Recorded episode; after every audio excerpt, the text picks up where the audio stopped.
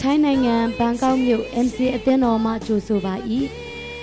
ဤတရားစကားတော်သည် အသက်ရှင်သောကြောင့်သင်ဤဘဝတစ်ခုလုံးပြောင်းလဲပြီးကောင်းချီးဖြစ်မည်ဟုကျွန်ုပ်တို့ယုံကြည်မျှော်လင့်ပါ၏ဤတရားစကားအပြင်တန်ရှင်တော်ဝိညာဉ်တော် သင်အားစကားပြောပါစေသောဤတရားဟောချက်သည် စီးပွားရေးအဖြစ်မဟုတ်လျင်လက်ဆင့်ကန့်ကူးယူဖြန့်ဝေနိုင်ပါသည် အပတ်စဉ်တရားဟောချက်များခံယူလိုပါက mcathailand.com တွင်ဆက်သွယ်နိုင်ပါသည်ရှိလို့မဖြစ်တော့တာသမီးများအတွက်ဘုရားပေးထားတဲ့နှုတ်ကပတ် ရှေးဥစွာဘုရားသခင်ကျေးဇူးတော်ကိုချီးမွမ်းပါတယ်အားလုံးကိုလည်းမင်္ဂလာပါလို့နှုတ်ဆက်ပါတယ်ဒီနေ့ညနေမှာနှုတ်ကပတ်တော်ဝင်ငါခွင့်ပြီးတဲ့အတွက်ဆရာထွန်းမြတ်မှာအစပေါ့နော်သင်ယုံဆရာတွေအသင်းတော်လူကြီးတွေအားလုံးလည်းအထူးကျေးဇူးတင်ပါတယ်ဆိုတော့ကျွန်တော်မဝင်ငါပဲဆရာဒီတဘာဘာဝင်ငါရင်လေနှုတ်ကပတ်တော်ကတော့အသက်ရှင်ပြီးတော့မှ တကူးရှိပြီးသားဖြစ်ပါတယ်ဘယ်သူပဲဝင်ငါဝင်ငါစာငတ်ပြီးတော့မှခံယူမယ်ဆိုရင်တော့ကျွန်တော်အသက်တာအတွက်နှုတ်ကပတ်တော်ခံယူခြင်းရဲ့အကျိုးကအရန်ပဲကြီးပါတယ်လို့เนาะဒါပေမဲ့ဆရာတွေကเนาะကျွန်တော်ကိုဝင်ငါဖို့ရန်အတွက်အခွင့်ပေးလို့သူပဲเนาะဆရာတို့ကိုလည်းကျေးဇူးတင်တယ်ရောက်တဲ့အခါတိုင်းမှာလည်းเนาะညနေပိုင်းအချိန်မှာပါဝင်ခွင့်ရတယ်ကျွန်တော်နောက်ဆုံးအချိန်အဲလာတော့ကဆိုရင်တော့ ခေါင်းစဉ်တော့မှတ်မိသေးတယ်เนาะမြဲတဲ့စီးစိမ်ဆိုတော့ကျွန်တော်နှုတ်ကပတ်တော့ဝင်ငါတယ်အဲ့တော့ဒီနေ့လဲကျွန်တော်တို့ Bible Sunday လို့တော့ပြောကြတာပဲဒါပေမဲ့အားလုံးကတော့နှုတ်ကပတ်တော့66ကျမ်းသုံးတာဖျားမှုတ်သွင်းထားတဲ့အရာတွေပါပဲဘယ်ကျမ်းစာပဲပြောပြောပေါ့เนาะဒါဒီအားလုံးကကျွန်တော်တို့အတွက်တိဆောက်เสียအရာတွေကြီးပဲဖြစ်ပါတယ်လို့ဆိုတော့ဝင်ငါမဲ့နှုတ်ကပတ်တော်လေးကိုအရင်ဆုံးဖတ်ချင်ပါတယ်ယောရှုမတ်စာအခန်းကြီး3 တစ်ကနေ9ပေါ့နော်ယောရှုအခန်းကြီး3အငယ်တစ်ကနေ9ယောရှုသည်နန်းနဲ့စောစောထား၍ဣသရေလအမျိုးသားအပေါင်းတို့နှင့်တကွရှိတ်တိမ်မျိုးမှပြောင်း၍ယော်ဒန်မြစ်ကိုမကူးမီမြစ်နားတွင်စကန်းချကြ၏သုံးရက်စီသောအခါတက်မှုတို့သည်တက်တစ်လျှောက်လုံးသွား၍တင်တို့သည်ဘုရားသခင်ထရဖျား၏ဗရိညင်တစ်တာကို၎င်းတစ်တာထမ်းသောယပရဟိတ်လေဝိသားတို့ကို၎င်းမြင်လျင်တင်တို့သည်နေရာပြောင်း၍လိုက်ရကြမည် တစ်တာတော်နှင့်တင်တို့ဆက်ကြအတောင်နှထောင်ချ၍ခရီးကွာစေရမည်လိုက်ရသောလမ်းကိုသိရမည်အကြောင်းတစ်တာတော်အနီးသို့မချင်းပဲလိုက်ရမည်ဤလမ်းသို့တင်တို့သည်တခါမျှမလိုက်ကြသေးဟုလူအပေါင်းတို့အားမှားထားကြ၏ယောရှုကလည်းတင်တို့သည်ကိုကိုကိုတန်ရှင်းစေကြလော့အကြောင်းမူကားနတ်ဖန်နေ၌သာရဖျားသည်အံ့မွယ်သော အမှုတို့ကိုတင်တို့တွင် ပြုတော်မူမည်ဟု လူများတို့အားမှားထားလေ၏ ဒုတိယတစ်ချက်ကတော့ယောရှုမတ်စာပဲဖြစ်ပါတယ်အခန်းကြီး1အခန်းငယ်1ငါဤကျွန်မောရှေသည်အနေဆာရောက်လေပြီတို့ဖြစ်၍တင်နှင့်တင်၌ပါသောလူဤလူအပေါင်းတို့သည်ယခုထား၍ယော်ဒန်မြစ်တစ်ဖက်သို့ကူးလော့ဣတေလအမျိုးသားတို့အားငါပေးငါပေးသောပြည်ကိုဝင်စားကြလော့အဲ့တော့ယောရှုမတ်စာအကြောင်းတော့အားလုံးသိပါတယ်ခါနန်ပြည်ကိုဝင်ရောက်သိမ်းပိုက်တဲ့နေမြေတွေကိုခွဲဝေယူတာပေါ့နော်အကြီးကဖော်ပြထားတယ် အဲ့တော့ခေါင်းဆောင်မောရှေတည်ပြီးနောက်ပိုင်းမှာပေါ့နော်လက်ထောက်ယောရှုကဆက်ပြီးတော့မှဣသေလတွေကိုဥဆောင်ပြီးတော့မှဖျားသခင်ဂတိထားတဲ့နိုးနယ်ပြားရည်စီးတဲ့ခါနန်ပြည်ကိုဥဆောင်လာခဲ့ရတာဖြစ်ပါတယ်ဆိုတော့ဒီမှာသူတို့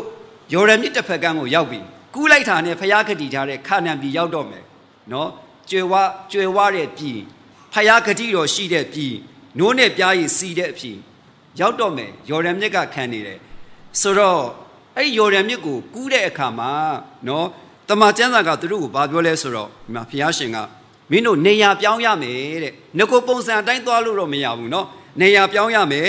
ဗြိဉ္ဉ်တစ်တာကအရှိကသွားအတောင်တောင်ချပြီးလူတွေကနောက်ကလိုက်ပါတဲ့ပြီးတော့နောက်နံပါတ်3ကိုကိုကိုတန်ရှင်းစေပါတဲ့အဲ့ဒီလိုလုပ်မယ်ဆိုရင်တဲ့မတ်တပ်ဖန်နေမှာဖရာသခင်ကအံ့ဩဝယ်အမှုတို့ကိုပြုမယ်ဆိုမှပေါ့နော်ယောရှုတို့ကိုပြောပါတယ်အားလုံးသိပါတယ် ပြောတဲ့အတိုင်းပဲယောရှုတို့ကလည်းဖယားသခင်မိမ့်မာတဲ့အတိုင်းပဲတသွေမသိမ့်လှုပ်ဆောင်တဲ့အခါမှာအံ့ဩစရာပေါ့နော်ယောရမြေကြီးကနှစ်ချမ်းကွဲပြီးတော့မှမြေကြီးပေါ်မှာသူတို့ရှောက်သွားရတဲ့အကြောင်းဆိုတော့ဒါတွေကတော့ကျွန်တော်တို့တော်တော်များများပေါ့နော်ဖတ်ပြီးသားဖြစ်ပါတယ်ကြားဘူးပြီးသားလည်းဖြစ်ပါတယ်အဲ့ဒီကနေကျွန်တော်သင်ခန်းစာလေးတွေယူရအောင်နော်စင်ချင်အောင်မရအောင်တခါလေကျွန်တော်ကျမ်းစာမှာပါတဲ့အဖြစ်အပျက်တွေကိုကျွန်တော်ကဖတ်တဲ့အခါမှာကြားတဲ့အခါမှာလေ အမြဲတမ်းကြားနေတဲ့အတွက်ကြောင့်ခပ်ပေါ့ပေါ့တန်တန်လေးရိုးရိုးလေးပဲကျွန်တော်တို့ကအဲခံယူတတ်ကြတာပေါ့နော်ဆိုတော့အေရုံပင်လည်းကွဲရဲဆိုလည်းကွဲတာပေါ့နော်ယောနာ၅ဘွားနဲ့မှ၃ရက်နေဆိုလည်းနေတာပေါ့ဖျားတတ်နိုင်တယ်ဆိုတော့မှခပ်ပေါ့ပေါ့တန်တန်ပဲတကယ်တော့ဒီကိစ္စတွေကတေချာစဉ်းစားကြည့်ရင်နော်ဘလို့မှမဖြစ်နိုင်တဲ့ကိစ္စတွေနော်ဂျော်ဒန်မြေကြီးကနှစ်ချမ်းခွဲပြီးတော့မှမြေကြီးပေါ်တယ်ဆိုတာကတကယ်အံ့ဩစရာဖြစ်ရက်တွေဖြစ်တယ်အလေးအနက်ထားပြီးစဉ်းစားကြည့်မယ်ဆိုရင်ပေါ့နော် ဆိုတော့ဒီထက်ကနေကျွန်တော်သင်ခန်းစာယူဖို့ဖြစ်တယ်အဲ့တော့မင်းတို့ယော်ဒန်မြို့ကိုကူးတဲ့ခါမှာတဲ့နေရာပြောင်းပါတဲ့နော်နေရာပြောင်းရမယ်ဘရင်ဂျင်တစ်တာထမ်းတဲ့သူကရှေ့ကနေသွားပါတဲ့လူတွေက2000အတောင်2000ချပြီးနောက်ကနေလိုက်ပါတဲ့ဆိုတော့ငကိုကတော့ဒီယော်ဒန်မြစ်တစ်ဖက်ကန်းကိုရောက်တဲ့အထိသူတို့ဘလို့ပုံစံနဲ့လာခဲ့တယ်လဲဆိုတော့မဖော်ပြဘူးဒါပေမဲ့ယော်ဒန်မြစ်ကိုကူးရင်တော့ငကိုပုံစံနဲ့ကူးလို့မရတော့ဘူးနေရာပြောင်းရမယ်ဖျားပြောတဲ့အတိုင်းလုပ်ရမယ်မလုပ်လို့ရှိရင်တော့ကောမကောမဖြစ်နိုင်တယ် အဲ့တော့ယောရှုတို့ကလည်းဖျားပြောတဲ့အတိုင်းသွေမသိမ့်လုပ်တဲ့အခါမှာအံ့ဩဝယ်ရာဒေါ်ရမြစ်တစ်ဖက်ကန်းကိုရောက်ပြီးတော့မှအောင်မြင်ခြင်းတွေရရှိတယ်ဆိုတဲ့အကြောင်းပေါ့နော်ဒါတမန်ကျမ်းစာမှာဖော်ပြထားပါတယ်အဲ့တော့ဒီနေ့သင်ခန်းစာယူစီယာကကျွန်တော်တို့လည်းသခင်ယေရှုကိုမိမိကေတပန်ရှင်အဖြစ်ယုံကြည်လက်ခံခြင်းမရှိခင်အချိန်တုန်းကကိုယ့်ရဲ့အခြေအနေကိုအတိဆုံးပဲဖြစ်တယ်ကျွန်တော်တို့အသက်တာ ဒါပေမဲ့သခင်ယေရှုကိုကေတင်ပန်ရှင်ဖြစ်ယုံကြည်လက်ခံပြီးကျေးဇူးတော်ကြောင့်ဖခင်သားဖြစ်ပြီးသာရသက်ရပြီးဟေ့ဆိုတာနဲ့ကျွန်တော်တို့ကငကိုပုံစံတိုင်းအသက်ရှင်လို့ရအောင်မလားရွေးချယ်လို့တော့ရတယ်ငကိုပုံစံတိုင်းကျွန်တော်တို့စိတ်သဘောတိုင်းအသက်ရှင်လို့တော့ရတယ်ရှင်ခွင့်မရှိတော့ဘူးဖခင်သားဖြစ်လာပြီဆိုရင်ဖခင်ကသူ့ရဲ့အလိုတော်နဲ့ကျွန်တော်ဘာလို့ဘာဖြစ်စေချင်လဲအသက်ရှင်ဖို့ရန်အတွက်ဖခင်သခင်အလိုတော်ရှိတယ်အဲ့ဒါလေးပြောချင်တာဖြစ်တယ်ဟုတ်ပြီနော်တော့ယောရှုကယော်ဒန်မြစ်ကူးတဲ့အခါမှာငကိုပုံစံတိုင်းသွားလို့မရဘူးတဲ့ နေရာပြောင်းရမယ်တဲ့ဒီကျွန်တော်ဖယားသားဖြစ်လာပြီဆိုရင်တော့ငကိုပုံစံတိုင်းအသက်ရှင်ဖို့မဟုတ်ဖဲနဲ့ဖယားသားရဲ့ပုံစံနဲ့ပေါ့နော်အသက်ရှင်ဖို့ဖယားသခင်အလိုတော်ရှိပါတယ်အဲ့တော့ယောမ7နှစ်နှစ်အားလုံးသိပါတယ်ညီကိုတို့လောကီပုံစံမဆောင်ကြနဲ့တဲ့နော်ပုံစံပြောင်းလဲပါတဲ့ဖယားသားမဖြစ်ခင်အသက်ရှင်ခဲ့တဲ့ပုံစံကြီးပြောင်းလဲရမှာဖြစ်တယ်ကျွန်တော်တို့ကလောကီပုံစံဆိုတာကလောကသားတွေပြောသလိုပြောတာ လောကသားတွေပြုမှုသလိုကြင့်ကြံသလိုလောကသားတွေစဉ်းစားသလိုစိတ်နေသဘောထားထားတာကလောကပုံစံပဲအဲ့ဒီအတိုင်းအသက်ရှင်မှုဖရာသခင်အလိုတော်မရှိဘူးဘာကြောင့်လဲဆိုတော့သူခုနပွဲတော်မင်္ဂလာကျွန်တော်ခံယူကြတာပေါ့နော်သူ့ရဲ့အသက်နဲ့အသွေးနဲ့တန်ဖိုးထားပြီးတော့မှရွေးဝယ်ထားတဲ့ကျွန်တော်တို့အားဖြင့်မြေကြီးပေါ်မှာနော်မြေကြီးပေါ်မှာလူအပေါင်းတို့ရဲ့ရှေ့မှာသူ့ရဲ့ဘုန်းကိုထင်ရှားစေခြင်းနဲ့ဖရာသခင်ကျွန်တော်ရွေးကောက်ရခြင်းရဲ့ရည်ရွယ်ချက်แท้မှာပေါ့နော် ဒါတက်ကော69နဲ့10လဲအားလုံးသိပါတယ်သင်တို့ရဲ့ကိုယ်ခန္ဓာစိတ်ဝိညာဉ်အပြင်ဖျားကုံတော်ကိုထင်ရှားစေပါတဲ့ကျမ်းစာကဖျားကကျွန်တော်တို့ကိုရွေးကောက်ခြင်းရဲ့ရည်ရွယ်ချက်တွေထဲမှာသူ့ရဲ့ဘုန်းကိုလည်းထင်ရှားစေခြင်းနဲ့သူ့ရဲ့ဘုန်းကိုထင်ရှားဖို့ရတယ်ကျွန်တော်ငကိုပုံစံနဲ့အသက်ရှင်လို့မရဘူးမပြောင်းလဲခင်ရပုံစံနဲ့အသက်ရှင်လို့မရဘူးဖျားသားဖြစ်ဖြစ်ဖြစ်တဲ့ပုံစံတိုင်းတွေဘာလို့အောင်လဲပြောင်းလဲရတော့မှာဖြစ်တယ်ဒါတော့ဒီနေ့ဖျားသခင်မကြိုက်မနစ်သက်တဲ့စိတ်နေသဘောထားတွေဘာတွေရှိနေသေးလဲ ဖယားသခင်မကြိုက်မနစ်သက်တဲ့အပြုအမူတွေအပြောအဆိုတွေအကြည့်တွေမှအစပေါ့နော်ဘာတွေရှိနေသေးလဲဒါကိုကျွန်တော်ပုံပုံသဏ္ဍာန်ဘာလို့ရမလဲပြောင်းရမှာဖြစ်တယ်ပြောင်းရမှာဖြစ်တယ်ပြောင်းတော့မှပဲဘာဖြစ်လာမလဲဖယားရဲ့ဘုန်းကိုထင်ရှားလာစေမှာဖြစ်တယ်ဖယားသားလို့ကျွန်တော်ပြောပြီးတော့မှကျွန်တော်အသက်ရှင်တဲ့ပုံစံအပြောဆိုအပြုတ်မှုအနေတိုင်းစိတ်နေသဘောထားတွေကလောကီပုံသဏ္ဍာန်ပဲဖြစ်နေသေးမယ်ဆိုရင်တော့လောကသားတွေနဲ့ကွဲပြားခြားနားမှုရှိပါမလား မရှိတော့ဘူးစောစောကတချင်းလေးဆိုသွားတဲ့စာသားလေးထိုးတာကျွန်တော်တွေ့တယ်နော်တစ်ပင်နှစ်ကိုတင်တို့မူကမောင်မိုက်ထဲမှာအံ့မော်တော်အလင်းတော်ဆိုခေါ်သိမ်းတော်မူတော်သူဂုံကျေးဇူးများဖော်ပြစေခြင်းကရွေးချယ်တဲ့အမျိုးဖြစ်တယ်တဲ့မေးစည်းစိမ်ရှိတဲ့အမျိုးတန်ရှင်းတဲ့သူမျိုးပိုင်ထိုက်တဲ့အပေါင်းအသင်းဖြစ်တယ်လို့တမန်ကျမ်းစာကဖော်ပြထားတယ်နော်မောင်မိုက်ထဲမှာအံ့မော်တော်အလင်းတော်ကိုခေါ်သွေးတော်မူသောသူရဲ့ဂုဏ်တော်ကိုဘာလို့ရမလဲထင်ရှားစေခြင်းကရွေးချယ်တဲ့အမျိုးတွေဖြစ်တယ်တဲ့ ဖယားသားဖြစ်ရွေးချယ်ခြင်းခံရတာကဖယားရဲ့ဘုံကိုထင်ရှားဖို့ဖြစ်တယ်ကျွန်တော်တို့ကဒါပေမဲ့ကျွန်တော်မပြောင်းလဲခင်ရပုံစံအတိုင်းပဲအသက်ရှင်နေအောင်မဲ့ဆိုရင်ဖယားဘုံထင်ရှားပါမလားကျွန်တော်ထဲမှာရှိတဲ့ခရစ်တော်ကိုသူများကမြင်မြင်ပါအောင်မလားမြင်နိုင်မှာမဟုတ်တော့ဘူးတော့ဖယားရဲ့အလိုတော်နဲ့အချမ်းစီတော်ကယောရှိတို့ကိုငကိုပုံစံတိုင်းတော်မင်းတို့သွားလို့မရဘူးယော်ဒန်မြို့ကိုကူးတဲ့အခါမှာဗြိင်ရင်တစ်တာကရှေ့ကသွားဆိုတာကဖယားကဥဆောင်တာဖြစ်တယ်လူကနောက်ကနေလိုက်ရတာဖြစ်တယ် ဖျားပြောတဲ့အတိုင်းသွေမသိမ့်လောက်တဲ့ခါမှာအောင်မြင်မှုရတယ်အံဟောရတို့တွေ့မြင်ခံစားရတယ်ဒီနေ့ကျွန်တော်ကျမတို့အသက်တာအဖြစ်ပေါ့နော်တခါတလေကျွန်တော်ဆူတောင်းချက်လေးတွေတင်ပါလို့နော်အိမ်ဒီမှာပြောလို့ရှိရင်လေကျွန်တော်တို့မိသားစုအားဖြင့်ဖျားဘုန်းတော်ထင်ရှားတဲ့အိမ်တော်ဖြစ်ဖို့ဆူတောင်းပေးပါကျွန်တော်အသက်တာအဖြစ်ကျမအသက်တာအဖြစ်ဖျားဘုန်းထင်ရှားတဲ့အသက်တာဖြစ်ဖို့ဆူတောင်းပေးပါဆူတောင်းချက်တွေတင်ကြတယ်ကောင်းပါတယ်နော်ဆူတောင်းရမှလည်းဖြစ်ပါတယ်အဲ့တော့ဖျားဘုန်းတော်ထင်ရှားတဲ့အသက်တာဖြစ်ဖို့ဆိုတာကကျွန်တော်ဘာလုပ်ရမလဲမယုံ ခရစ်တော်ကိုကယ်တင်ပါရှင်ပြမယုံချင်ခင်နှုံးကပုံစံတိုင်းနေပါလို့လုံးဝပြောင်းလဲပြရမှာဖြစ်တယ်ပြောင်းလဲပြီးတော့မှဖယားသားရဲ့အသက်တာနဲ့ကျွန်တော်ကဆက်ပြီးပါလို့ရမလဲအသက်ရှင်ရမှာဖြစ်ပါတယ်အေဖက်ခန်းကြီးလေးအငယ်တက်မှာခေါ်တော်မူခြင်းကျေးဇူးကိုခံရသည်နဲ့အထိုက်လျောက်ကြည်ဆောင်မဲ့အကြောင်းနဲ့တမန်ကျမ်းစာကနော်တမန်တော်ရှင်ဘောလူကဒါထောင်ထဲမှာအကျဉ်းချခံနေရတဲ့ငါကသင်တို့ကိုတိုက်တွန်းနှိုးဆော်တယ်ဆိုမှပေါ့နော်အေဖက်လေးတက်မှာဖော်ပြထားတယ်ခေါ်တော်မူခြင်းကျေးဇူးကိုခံရသည်နဲ့အထိုက်လျောက်လို့ပြောတာက ကျေးဇူးတော်ကြောင့်ဖယားသားဖြစ်လာပြီဆိုရင်တဲ့ဖယားသားရဲ့ပုံစံနဲ့အသက်ရှင်ဖို့လက်တွေ့အသက်တာထဲမှာဖယားသားရဲ့အသက်တာမျိုးနဲ့လိုက်လျှောက်ပြီးတော့မှအသက်ရှင်သွားဖို့တမန်ကျမ်းစာကသုံးသင်ခြင်းဖြစ်တယ်။ဒါတော့ခေါ်တော်မူခြင်းကျေးဇူးကိုခံရတဲ့နေ့အထိုက်လျောက်ဖယားသားဖြစ်လာတဲ့အထိုက်လျောက်ကျွန်တော်နှိမ့်စင်အသက်တာဘာလို့ရမလဲအသက်ရှင်လျှောက်လန်းရမှာဖြစ်တယ်။အဲ့လိုအသက်ရှင်ခြင်းအားဖြင့်သာလေဘု து ပုံထင်ရှားမလဲဖယားရဲ့ဘုံကိုထင်ရှားမယ်အကြောင်းတမန်ကျမ်းစာကဖော်ပြထားပါတယ်။ တော့ယောရှိတို့ကနေရာပြောင်းဆိုပြောင်းတယ်ဗြိဉ္တိတထန်းတဲ့သူကရှေ့ကသွားဆိုသွားတယ်နော်သွားတဲ့အခါမှာယော်ဒန်မြစ်ကနှစ်ချမ်းကွဲပြီးတော့မှမြေကြီးဥမှာသူတို့ရှောက်သွားရတယ်ဖျားပြောတဲ့အတိုင်းသူတို့ဘာဖြစ်လဲတသွေမသိမ်းလှုပ်ဆောင်တဲ့အတွက်ကြောင့်တကယ်ပဲအံ့ဩဝေယဖြစ်ရက်ကိုသူတို့တက်တာမှာတွေ့မြင်ခံစားရတဲ့အကြောင်းပေါ့နော်တမန်ကျမ်းစာမှာဖော်ပြထားပါတယ်လို့အဲ့တော့နံပါတ်1ကတော့ဗြိဉ္ဉ်တစ်တာကရှေ့ကသွားရမယ်အတောင်တောင်ချပြီးလူကနောက်ကလိုက်ရမယ်လို့ဆိုလိုခြင်းကဗြိဉ္ဉ်တစ်တာကဖျားကိုပုံဆောင်တာဖြစ်ပါတယ်တကိုးရှိတယ် ဗြိဉ္ဉ်တစ်တာအတူရှိနေခြင်းကဖျားအတူရှိနေခြင်းပဲဖြစ်တယ်အဲ့တော့ဖခင်ကရှေ့ကသွားတယ်လူကနောက်ကလိုက်ရတယ်နေ့စဉ်တက်တာမှာအသက်ရှင်တဲ့အခါမှာဟုတ်ပြီနော်ဖခင်ရဲ့ဥဆောင်မှုလမ်းပြမှုနောက်ကနေသူတို့လိုက်တဲ့အတွက်ကြောင့်ဖခင်ပြောတဲ့ပုံစံအတိုင်းသွားတဲ့အတွက်ကြောင့်ယော်ဒန်မြစ်နှစ်ချမ်းကွဲပြီးတော့မှအံ့ဩဝယ်ရာဖြစ်ရက်တွေကိုသူတို့တက်တာမှာတွေ့ကြုံရင်ဆိုင်ရတာဖြစ်ပါတယ်။ဒါဒီနေ့ကျွန်တော်နေ့စဉ်အသက်ရှင်တဲ့အခါမှာနံပါတ်1ကျွန်တော်ဘသူနောက်ကိုလိုက်နေတယ်လေဘသူနောက်ကနေလိုက်ပြီးအသက်ရှင်နေတယ်လေ ဒါလေးလည်းကျွန်တော်တို့စင်ကျင်စရာရှိပါတယ်။တခါလေကျွန်တော်အများသောအားဖြင့်ပေါ့နော်။အာဘုရားသခင်ကျွန်တော်ဘာလုပ်မယ်ဘာကြိုက်မယ်ကိုရောအတူရှိပါဆိုမှပေါ့နော်ဆူတောင်းပြီးတော့မှဆက်ကပ်လိုက်ကြတယ်မမားပါဘူးမမားပါဘူးဒါပေမဲ့ကျွန်တော်တို့ကဆုံးဖြတ်ချက်ချပြီးတော့မှဖခင်ကိုကျွန်တော်ကဆက်ကပ်လိုက်တာကများတယ်လေနော်တကယ်တမ်းကျတော့ကျွန်တော်တို့ရဲ့စိတ်အလိုဆန္ဒဖြစ်ချင်တဲ့ဆန္ဒအတိုင်းကျွန်တော်တို့ကဆုံးဖြတ်ရမှာမဟုတ်ဘဲနဲ့ကျွန်တော်စိတ်ဆန္ဒရှိတဲ့အတိုင်းလှုပ်ဆောင်ရမှာမဟုတ်ဘဲနဲ့ ဖခင်သခင်ကျွန်တော်ကိုဘလို့အသက်ရှင်စေခြင်းလဲဖခင်သခင်ကျွန်မကိုဘလို့အသက်ရှင်ရှင်စေခြင်းလဲဒီလမ်းကိုသွားရမလားမသွားရဘူးလားနော်ဒီအလုပ်ကိုလုပ်ရမလားမလုပ်ရဘူးလားမလုပ်ခင်တည်းကကြိုတင်ပြီးတော့မှမလုပ်ရမလဲဖခင်ထံမှာဆုတောင်းဆက်ကအနံ့ရမှာဖြစ်တယ်ဆုတောင်းဆက်ကအနံ့မယ်ဆိုတော့ဖခင်ကဘာလုပ်မလဲကျွန်တော်တို့ကိုသွန်သင်ပေးမှာဖြစ်တယ်လမ်းပြပေးမှာဖြစ်တယ်ကျွန်တော်တို့ကိုဖခင်ကအဖြေပေးမှာဖြစ်တယ်ကျွန်တော်တို့ကိုဖခင်ကဒါကြောင့်နေ့စဉ်အသက်ရှင်တဲ့အခါမှာကျွန်တော်အသက်တာက ကိုယ့်ရဲ့အလိုဆန္ဒအတိုင်းသွားဖို့မှုတ်ဖဲနဲ့ကိုယ့်ရဲ့စိတ်ခံစားချက်နောက်ကိုလိုက်ဖို့မှုတ်ဖဲနဲ့ဘယ်သူနောက်လဲရမလဲဖခင်ရဲ့ဥဆောင်မှုနောက်ကနေလိုက်ရမှာဖြစ်တယ်ဒါကြောင့်ဣသီလလူတွေဖခင်ဂတိထားတဲ့ယော်ဒန်မြစ်တစ်ဖက်ကမ်းပေါ့နော်နိုးနဲ့ပြားစီတဲ့ခါနန်ပြူအောင်မြင်စွာရောက်သွားခြင်းကဘသူနီလန်အတိုင်းသွားလို့လဲဖခင်ရဲ့နီလန်အတိုင်းသွားလို့ဖြစ်တယ်ဒါလူအစဉ်ကျင်တဲ့ခါမှာလေတကယ်ပဲခွန်အားရစရာဖြစ်တယ်ဖခင်နီလန်အတိုင်းသွားလို့ဖခင်ပြောတဲ့အတိုင်းလုပ်လို့ ဖခင်ပြောတဲ့အတိုင်းမလုပ်ရင်ကောင်းမောက်ကမဖြစ်သွားနိုင်တယ်နော်နေရာပြောင်းဆိုပေမဲ့ငါတို့ငကောကဒီပုံစံပဲလာတာပါကွာဒီတိုင်းပဲငါတို့သွားချရအောင်ဟုတ်ပြီနော်ဗြိင်တစ်တာရှေ့ကသွားပါလို့ပြောတဲ့ခါမှာသူတို့သွားခြင်းတဲ့ပုံစံနဲ့သွားမယ်ဖခင်ပြောတာကိုအလေးနဲ့မထားဘူးဆိုရင်တော့အဖြေတစ်မျိုးပြောင်းလဲကောင်းပြောင်းလဲသွားနိုင်တယ်ဟုတ်ပြီနော်သူတို့ကဖျားပြောတဲ့အတိုင်းသွေမသိမ့်လှုပ်တဲ့အတွက်ကြောင့်အောင်မြင်စွာနဲ့ဘာလို့လဲရောက်သွားတာဖြစ်တယ်ဥပမာတစ်ခုပေါ့တောလေရ20လောက်မှထင်တယ်နော် မောရှိကိုလေဖျားကကြောက်ကိုမှားထားပါတဲ့မှားထားရင်ရေထွက်လာမှာဖြစ်တယ်နော်ဒါပေမဲ့မောရှိက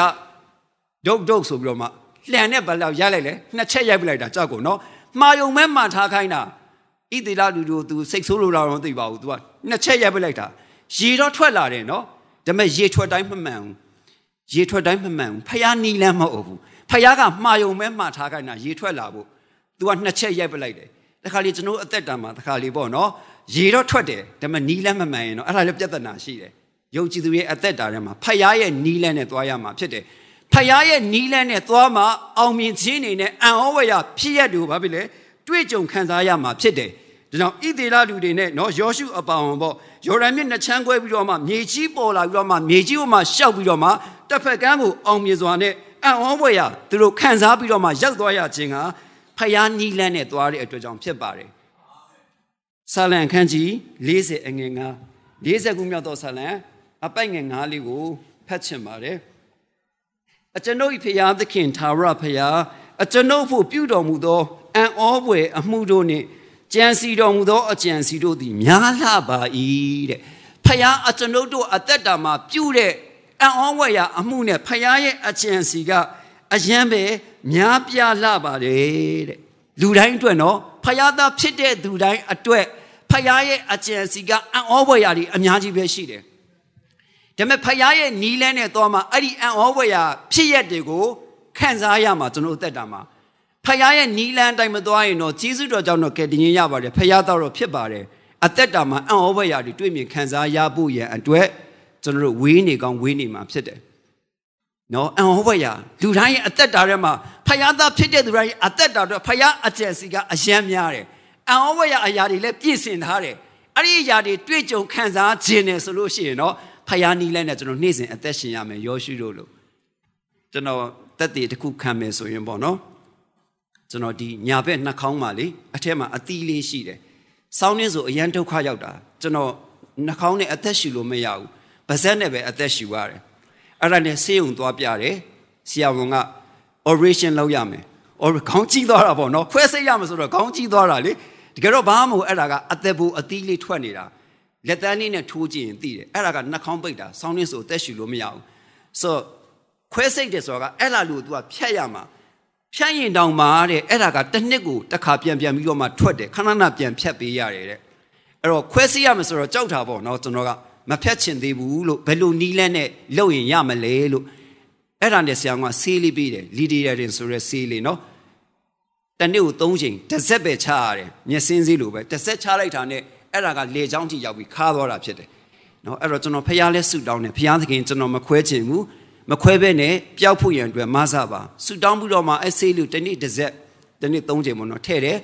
တပလင်းကုံသွားတယ်နောက်တပလင်းထပ်ဝယ်တယ်တကွက်တောင်မကုံခင်ပါပဲ ကျေးဇူးတော်ကြောင့်ကျွန်တော်မသိဘူးပုံမှန်ပဲကျွန်တော်နေတာပေါ့နော်ဒါပေမဲ့ညဘက်ကျွန်တော်အိတ်တော့ကောင်းကောင်းအသက်ရှူလို့ရနေတယ်နှာခေါင်းနဲ့ပါဇက်နဲ့ရှူစရာမလိုအားနဲ့ကျွန်တော်မတင်ငါလို့ဂမန်ကတန်းလက်တန်းလေးနဲ့ထိုးပြီးကြည့်တဲ့အခါမှာထဲမှာဘာအသီးမှမရှိတော့ဘူးဖခင်ရဲ့ကျေးဇူးတော်ကြောင့်အဲ့နဲ့ကျွန်တော်ဆေးရုံသွားတယ်သွားပြီးတော့မှဆရာဝန်သွားပြတဲ့အခါမှာဆရာဝန်ကမရှိတော့ဘူးတဲ့ဖြတ်ရင်တောင်မှနောက်တစ်နှစ်ဆိုပြန်ထွက်ရင်ပြန်ပြန်ဖြတ်ရတယ်လို့ပြောတာနော်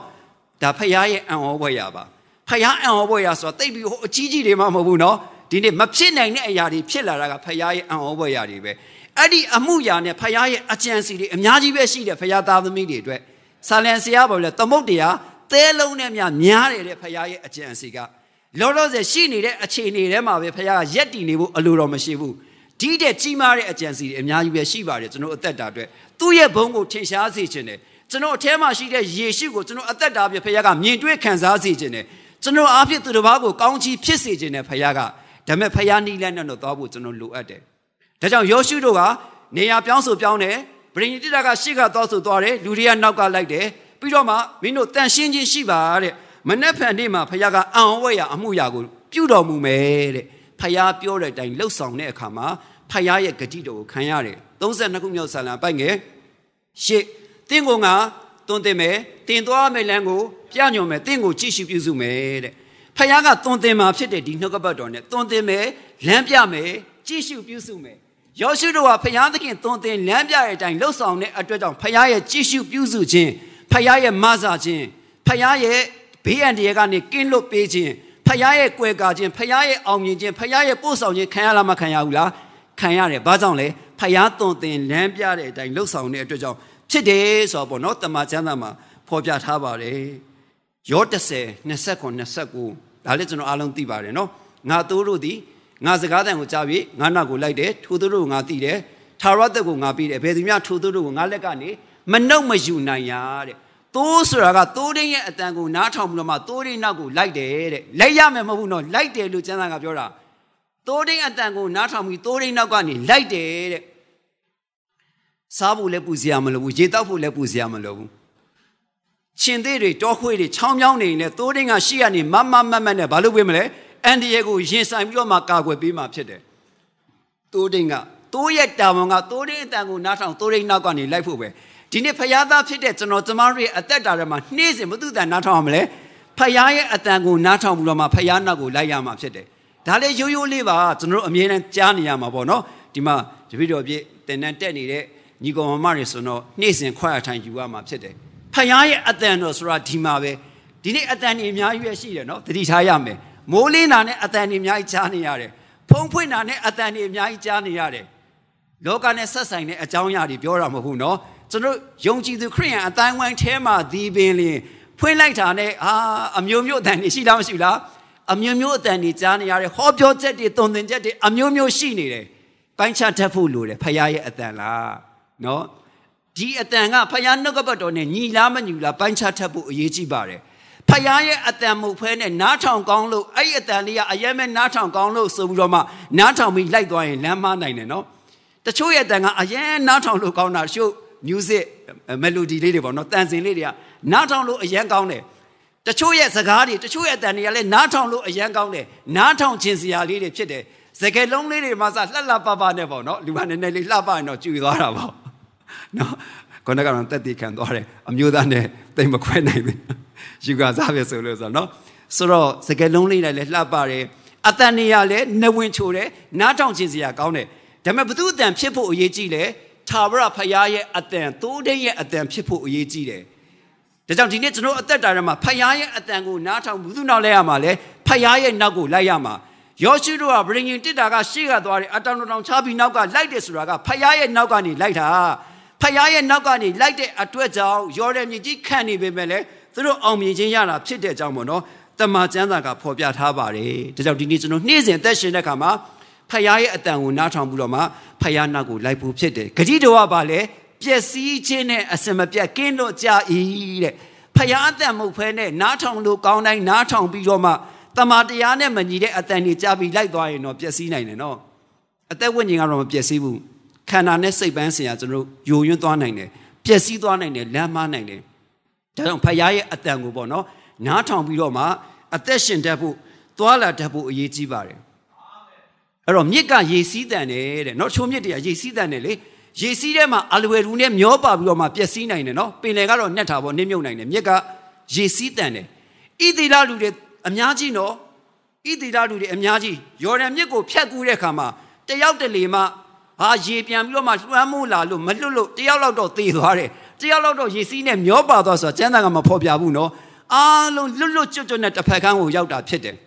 တစ်ဖက်ကန်းကိုရောက်တာဘာကြောင့်လဲဖယားရဲ့နောက်ကနေလိုက်တဲ့အတွက်ကြောင့်ဖြစ်တယ်ဒီနေ့ကမ္ဘာလောကကြီးကလည်းမြစ်လိုပဲဘာဖြစ်လဲရေစီးတန်တယ်တက်မက်စရာတွေအများကြီးပဲရှိတယ်စုံစမ်းနောက်ဆက်ခြင်းတွေအများကြီးပဲရှိတယ်စိတ်တက်ကြစရာတွေစိတ်ပြက်စရာတွေအခက်ခဲတွေပြဿနာတွေကျွန်တော်တို့ကိုစိန်ခေါ်ချက်တွေ နေ့တိုင်းရှိလားမရှိလားအများကြီးပဲရှိတယ်အသက်တာကြာဆင်းစရာတွေလောကရဲ့ရည်စည်းတဲ့မှာမျောပါသွားစရာတွေအများကြီးပဲရှိတယ်တရောနှစ်55 16မျက်စိတက်မဲ့ခြင်းကိုယ်ကာယတက်မဲ့ခြင်းလောကိစည်းစိတ်တက်မဲ့စရာတွေအများကြီးပဲရှိတယ်ဒီအရာတွေရဲ့လောကရည်စည်းတဲ့မှာမျောပါသွားစရာအကြောင်းရှိတယ်ကျွန်တော်တို့ရဲ့အသက်တာဒါပေမဲ့ဘသူနောက်ကလဲရမလဲဖယားရဲ့နောက်ကနေလိုက်မယ်ဖယားအတန်ကိုနားထောင်မယ်ဆိုရင်တော့ဘဲမှကျွန်တော်တက်တာကရိမ့်ရိုင်စရာမလိုဘူးဘဲမှကျွန်တော်တက်တာကချေချော်စရာမလိုဘူး ဒါပေမဲ့ဖယားအတန်ကိုနားမထောင်တော့ဘူးကျွန်တော်ကတစုံတယောက်တော့သူရဲ့အတန်ဖြစ်ကောင်းဖြစ်နေမယ်နှုတ်ကပတ်တော်နဲ့မညီတဲ့အတန်တွေဖြစ်ကောင်းဖြစ်နေမယ်ဖယားနောက်မလိုက်ဖဲနဲ့ကိုယ့်ရဲ့စိတ်ခံစားမှုနောက်ဖယားနောက်မလိုက်ဖဲနဲ့ကိုယ့်ရဲ့တက်မဲ့ခြင်းနောက်ဖယားနောက်မလိုက်ဖဲနဲ့လောကကြီးရဲ့နောက်ကိုလိုက်သွားမယ်ဆိုရင်တော့လောကရည်စည်းတဲ့မှာဘာဖြစ်သွားနိုင်လဲ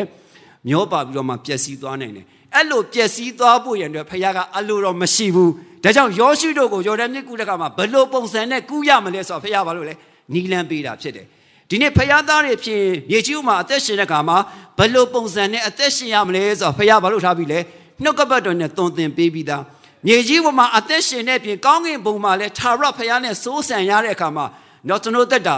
ဘလို့ဖခင်နဲ့သာရကာလနဲ့ဆက်ဆိုင်တဲ့ကောင်းကျိုးချမ်းသာတွေခံစားရမလဲဘလို့စိုးဆန်ရမလဲဆိုတော့နီးလန်းနေတမန်ကျမ်းစာမှာဘာဖြစ်လဲဖော်ပြပြီးသားဖြစ်တယ်ဒါပေမဲ့ကျွန်တော်တို့ကတော့မြေကြီးနဲ့ဆက်ဆိုင်တဲ့အရာအတွက်တော့များသောအားဖြင့်ဦးစားပေးတာပေါ့နော် တဖယားသခင်ရစီချင်တာအဲ့ဒါမဟုတ်သာရကာလနဲ့ဆက်ဆိုင်တဲ့အရာကိုဖယားကရစီချင်တာဖြစ်ပါလေလို့ဒါကြောင့်ဒီနေ့ယောရှုတို့ကယော်ဒန်မြစ်ရေစီးထဲမှာမျောပါပျက်စီးခြင်းမရှိဘဲနဲ့တစ်ဖက်ကန်းကိုအောင်မြင်စွာရောက်တာကဖယားနီလန်အတိုင်းသွားလို့ဖယားရဲ့ဥဆောင်မှုလမ်းပြမှုနောက်ကနေလိုက်လို့ဖြစ်ပါတယ်ရှမသက်အခန်းကြီး14အငယ်28လောက်မှာပေတုအကြောင်းကျွန်တော်အားလုံးသိပါတယ်နော်ဆိုတော့ သခင်ဖခင်ကအိုင်ပေါ်မှာဆက်တော်ဖြန့်ပြီးတော့မှလာတယ်တဲ့ပထမတော့ဖုတ်သစေမှတ်ပြီးကြောက်ကြတာပေါ့နော်တဲ့ငါပင်ဖြစ်တယ်လို့ပြောတဲ့အခါမှာပေတုကစိတ်မြန်လက်မြန်ရှိတာဟုတ်ဟာကိုရောမင်းကျွန်တော်လာရပါမယ်ကြောင့်မိန်တော်မူပါတဲ့ကောက်ခငင်ငါနဲ့နော်သခင်ရှုကလာခဲ့ပါရေပေါ်မှာလမ်းလျှောက်ပြီးတော့မှသွားတယ်အဲ့ဒီအဖြစ်ပြက်လေးကအမှပြီးသွားရင်အယမ်းပဲကောင်းမှာနော်အယမ်းပဲကောင်းမှာဒါပေမဲ့ပတ်ဝန်းကျင်ကို तू ကကြည့်တဲ့အခါမှာဘာဖြစ်နေလဲလေပြင်းလေပြင်းပြီးတော့မှလှိုင်းထတာမြင်တဲ့အခါမှာပဲ ကြောက်စိတ်ဝင်လို့မှနစ်မုံလို့မတက်ဖြစ်သွားတာသခင်ယေရှုကိုစေးစေးကြည့်တဲ့အခါမှာတော့အောင်မြင်စွာနဲ့ရှောက်လန်းနိုင်တယ်ဘေးပတ်ဝန်းကြည့်တဲ့အခါမှာလေပြင်းမုန်တိုင်းတွေ့တဲ့အခါမှာကြောက်စိတ်ဝင်မှနစ်မုံလို့မတက်ဖြစ်သွားတယ်ဆိုတော့ဒီနေ့ကျွန်တော်နှင်းစင်သက်တာမှာအသက်ရှင်တဲ့အခါမှာဘယ်သူစေးစေးကြည့်ရမလဲဟေဘရဲစနစ်နှစ်မှာလည်းပါပါတယ်နော်ယုံကြည်ခြင်းကိုအစာဦးစစ်ဆက်စုံနေစီတော်မူသောယေရှုခရစ်ကိုစစ်စေထောက်ရှုကြကုန်အံ့တဲ့ကျွန်တော်တို့ဖယားသခင်အလိုတော်ရှိရဲ့ရွယ်ချက်ပန်းနိုင်ကိုရောက်ဖို့ ဖယားဘုန်းတော်ကိုထင်ရှားတဲ့သက်တာနဲ့အသက်ရှင်ဖို့ကျွန်တော်အသက်တာထဲမှာဖယားရဲ့အောင်ဝဲရအရာတွေကိုမြင်တွေ့ခံစားရဖို့ရန်အတွက်ကျွန်တော်ဘုသူ့စိတ်စိတ်ကြည့်ရမလဲယေရှုခရစ်တော်ကိုစိတ်စိတ်ကြည့်ပြီးတော့မှသွားရမှာဖြစ်တယ်ကျွန်တော်ဘေးပန်ဝန်းကျင်မှာတက်သေးတွေအများကြီးပဲရှိတယ်တဲ့အဲ့တော့ယေရှုကိုစိတ်စိတ်မကြည့်ဘဲနဲ့ဘေးကိုကြည့်မယ်ဆိုရင်တော့မျောပါစရာပျက်စီးစရာတတ်မဲ့စရာတွေကြာဆင်းစရာတွေဝိညာဉ်တက်တာမှာအဲကြာဆင်းစရာတွေယိုယွင်းစရာတွေဖျားနဲ့ဝေးစရာတွေရှိလားမရှိလားအများကြီးပဲရှိတယ် ဒါတော့ဒီနေ့ယုံကြည်ခြင်းကိုအစာဦးစိတ်ဆက်ဆုံးနေဆိုမှခရစ်တော်ကိုစိတ်စိတ်ထောက်ရှုပြီးတော့မှကျွန်တော်သွားရမှာဖြစ်တယ်တတိယချက်ကတော့ကိုကိုကိုဘာလုပ်ရမလဲတန်ရှင်းစေပါတဲ့နော်နေရပြောင်းတာမကဘရင်တစ်တာကရှေ့ကသွားလူကနောက်ကလဲအောင်တော့တတိယချက်ကတတိယချက်ကကိုကိုကိုတန်ရှင်းစေပါတဲ့ဖယားနောက်ကနေလိုက်တဲ့အခါမှာတန်ရှင်းတဲ့အသက်တာဖြစ်ဖို့လည်းလိုအပ်တယ်နော်အဲ့လိုပြောတဲ့အခါမှာယေရှုခရစ်တော်ရဲ့အသွေးတော်အားဖြင့်ဖယားရဲ့ရှေ့မှာဖြောင့်မတ်သွားဖြောင့်မတ်ပြီးသွားပြီကျွန်တော်တို့ တန်ရှင်းသောသူတွေဖြစ်သွားပြီးပါပြီဒါဖယားရဲ့ရှေ့မှာတချို့ကလည်းဖြောင့်မတ်ပြီးပြီတန်ရှင်းပြီးပြီဖြစ်တဲ့အကြောင်းခရိယန်တက်တာထဲမှာဖြောင့်မတ်ရမယ်တန်ရှင်းရမယ်ပြောရင်မကြိုက်တော့ဘူးငါတို့ကဖြောင့်မတ်ပြီးပြီလေတန်ရှင်းပြီးပြီလေကြိုက်သလိုကျွန်တော်ခံယူလို့ရပါတယ်ဒါပေမဲ့ကျမ်းစာမှာနေ့စဉ်တက်တာမှာအသက်ရှင်တဲ့ခါမှာတန်ရှင်းခြင်းနဲ့ဆက်လက်ပြီးတော့မှအသက်ရှင်သွားဖို့တုံတင်တဲ့အရာတွေဩဝါဒဆောင်မှာအများကြီးပဲရှိတယ်တစ်ပေတစ်ဆန်ကသင်တို့ကိုခေါ်တော်မူသောသူသည်တန်ရှင်းတော်မူသည်နည်းတူသင်တို့ရဲ့ကြင့်ကြံပြုမှုသည်များတို့၌လည်း တန်ရှင်းခြင်းရှိပါတဲ့ကဲတင်ခြင်းအတွက်မဟုတ်ဘူးနော်ကျွန်တော်အသက်တာအားဖြင့်ဖျားဘုံထင်ရှားဖို့ကျွန်တော်အသက်တာအားဖြင့်ဖျားအလုံးလုံးနိုင်ဖို့အထူးဖြင့်ဖျားနောက်ကိုလိုက်တဲ့သူတွေအသက်တာပိုတော်မှပါဖြစ်လေတန်ရှင်းခြင်းနဲ့ဆက်ပြီးတော့မှအသက်ရှင်ရမှာဖြစ်တယ်တန်ရှင်းခြင်းမရှိတဲ့အသက်တာပြင်ဖျားအလိုနဲ့အကြံစီတော့မပြည့်စုံစေနိုင်ဘူးမပြည့်စုံစေနိုင်ဘူးဒါကြောင့်ယောရှုတို့ယော်ဒန်မြစ်ကိုကူးတဲ့အခါမှာဖျားကနံပါတ်3ချက်ကိုကိုကိုတန်ရှင်းစေပါတဲ့ အဲ့ဒါမှမင်းတို့မနှက်ဖန်နေမှာအံဟောရအမှုရကိုတွေးရမှာဖြစ်တယ်တဲ့ဒါကြောင့်ဒီနေ့ကျွန်တော်နေ့စဉ်အသက်တာမှာသက်ရှင်တဲ့ခါမှာလေသခင်ယေရှုခရစ်တော်ရဲ့အသွေးတော်ကြောင့်တန်ရှင်းပြီးပါပြီဒါပေမဲ့နေ့စဉ်တန်ရှင်းခြင်းနဲ့ဆက်ပြီးပါလို့ရမလဲအသက်ရှင်သွားဖို့ရန်အတွက်ဖျားသခင်အလိုရှိပါတယ်နှစ်ပေ34မှာလည်းဖော်ပြပါတယ်အညီအကျေးနဲ့ကင်းစင်စေခြင်းကကြိုးစားအားထုတ်ပါတဲ့အညီအကျေးနဲ့ကင်းစင်စေခြင်းကကြိုးစားအားထုတ်ဖို့တည်ပေါ့နော်တမန်ကျမ်းစာကဖော်ပြပါတယ်ယေရှုခရစ်အားဖြင့်တော့တန်ရှင်းပြီးပြီဖြောင့်မတ်ပြီးပြီမှန်တယ် ဒါပေမဲ့နေ့စဉ်ခရစ်ယာန်တက်တာမှာအသက်ရှင်တဲ့ကမှာလည်းတန်ရှင်းခြင်းဖြောင့်မတ်ခြင်းနဲ့ဆက်ပြီးဘာလို့ဖို့အရေးကြီးလဲအသက်ရှင်ဖို့ရန်တွေအရေးကြီးရနောက်ဆုံးကျမ်းပိုက်လေးတစ်ပတ်နော်ဒါလေးသတိရလို့ပြောပြီးတော့မှညီကုံချုပ်ချင်ပါတယ်ဟေဘဲဩဝါဒစာနော်အခန်းကြီး30 24 25ဆိုရင်တော့အားလုံးအလွတ်ရတယ်မိတ္တာဖွဲ့ခြင်းနော်အဲ့ဒါမှအဲ့အပေါ်ကအဲ့အပေါ်က22ငါတို့သည်တဲ့တစ္ဆာနှင့်ပြည့်စုံသဖြင့် တစ္ဆာနှင့်ပြည့်စုံသောသဘောရှိ၍ဝိစီကိစ္စနှင့်ကင်းသောယုံကြည်ခြင်း၌တည်လျက်စိတ်နှလုံးကိုတန်ဝေကတရားနှင့်လွတ်အောင်ဖြန်းခြင်းကိုယ်ကာယကိုလည်းကြည်သာရဖြစ်စေကြောခြင်းရှိပြီးမှအထံတော်သို့တိုးဝင်ချင်းကပ်ကြကုန်အံ့နဲ့အရှိပိုင်းမှာတော့ယေရှုရဲ့အသွေးတော်အပြင်အစီးတားမရှိဖခင်ထံတိုးဝင်ချင်းကပ်လို့ရတယ်လို့ဖော်ပြထားတယ်။ဒါပေမဲ့20နှစ်မှာတော့ဗာဆက်ပြောလို့ဆိုတော့ငါတို့သည်တဲ့တစ္ဆာနဲ့ပြည့်စုံသောသဘောရှိ၍ဝိစီကိစ္စနဲ့ကင်းသောယုံကြည်ခြင်းနဲ့နော်အဆုံးပိုင်းမှာဗာပြောလဲဆိုတော့ စေကြောခြင်းရှိပြီးမှအထံတော်သို့တိုးဝင်ချင်းကပ်ကြကုန်အံ့နဲ့ပြောချင်တာကဖယားရှိကိုတိုးဝင်ချင်းကပ်တဲ့အခါမှာအပေါ်မှာကျွန်တော်တို့ပြင်ဆင်ရမယ့်အချက်၃ချက်ပါတယ်နော်ဖယားတန်တိုးဝင်ချင်းကပ်ခြင်းမပြုတ်ခင်နံပါတ်1ကတော့ဝီစီကိစ္စနဲ့ကင်းသောယုံကြည်ခြင်းမှာတည်ရမှာဖြစ်တယ်တဲ့ဖယားတန်တိုးဝင်တဲ့သူကဟေဘဲ7 6ကျွန်တော်အားလုံးသိရနော်ယုံကြည်ခြင်းမရှိရင်ဖယားရဲ့စိတ်တော်နဲ့မတွေ့နိုင်ဘူးတဲ့ အဲ့တော့ဖယားတန်တိုးဝင်ချင်းကပ်တဲ့ခါမှာတူးချင်းစီပဲကိုးကွယ်ကိုးကွယ်အများနဲ့ပဲသွားပြီးတော့မှကိုးကွယ်ကိုးကွယ်ဖယားတန်တိုးဝင်ချင်းကပ်ကိုးကွယ်တဲ့ခါမှာဘာပါရမလဲယုံကြည်ခြင်းပါရမယ်ယုံကြည်ခြင်းရှိရမယ်ယုံကြည်ခြင်းမရှိရင်ဖယားစိတ်နဲ့တွေ့မလားမတွေ့ဘူးတဲ့ကျမ်းစာကနံပါတ်1ယုံကြည်ခြင်းပါမယ်နံပါတ်2နံပါတ်2ကစိတ်နှလုံးကိုလည်းတန်ဝေကတရားနဲ့လွတ်အောင်ဖြန်းခြင်းနဲ့တန်ဝေကဆိုတာကနောင်တရစရာအကြောင်းမရှိရဘူးစိတ်ထဲမှာဟာငါဒီအလုပ်ကိုလုပ်နေတာမှားလေခြင်းဆိုရဲနောင်တရစရာအကြောင်းမရှိရဘူးတဲ့ စိတ်နှလုံးမှာလည်းစင်ကြယ်ခြင်းရှိရမှာဖြစ်တယ်ဖယားရှိကိုတိုးဝင်ချင်းကပ်တဲ့ခါမှာပြီးတော့မှကိုယ်ကာယကိုလည်းကြည်သာရည်ဖြင့်စေကြောခြင်းရှိပြီးမှတဲ့ကိုယ်ကာယကိုလည်းကြည်သာရည်အေဖက်90ကိုနှုတ်ကပတ်တော်ဒီဥသောရေဘာလို့ရမလဲစေကြောရမယ်ဖယားသားဖြစ်တာတော့မှန်တယ်မြေကြီးမှာအသက်ရှင်တဲ့ခါမှာမမတန်ရှင်းတဲ့အရာတွေကအမြဲတမ်းပဲကျွန်တော်ကိုယ်ခန္ဓာမှာလာပြီးတော့မှကန့်ညှိတွေ့နိုင်တယ်အပြောဆိုတွေအပြုတ်မှုတွေကျွန်တော်ရဲ့အကြည့်တွေ ကျွန်တော်ရဲ့စိတ်နေသဘောထားတွေကျွန်တော်ကိုယ်ခန္ဓာကလှုပ်ဆောင်တဲ့အရာတွေဒီအရာတွေကမတန်ရှင်းတဲ့အရာတွေကကပ်ပြီးတော့မှညှိတွေ့လာနိုင်တယ်เนาะဒါကြောင့်တန်ရှင်းခြင်းရှိဖို့တမန်ကျမ်းကတွန်းတင်ပါတယ်ကိုယ်ကာယကိုလည်းကြည်သာရည်ဖြစ်စေကြောခြင်းရှိပြီးမှတဲ့ယုံကြည်ခြင်းပါရမယ်စိတ်နှလုံးမှာနောင်တရစရာအကြောင်းမရှိရဘူးကိုယ်ကာယမှာလည်းတန်ရှင်းရင်ရှိပြီးတော့မှရှေ့တော်ကိုဘာလို့မလဲတိုးဝင်ချင်းကပ်ကြကုန်အံ့တဲ့ဖယားရှိကိုတိုးဝင်ချင်းကပ်တဲ့အခါမှာတောင်မှ ခန္ဓာကိုစိတ်ကို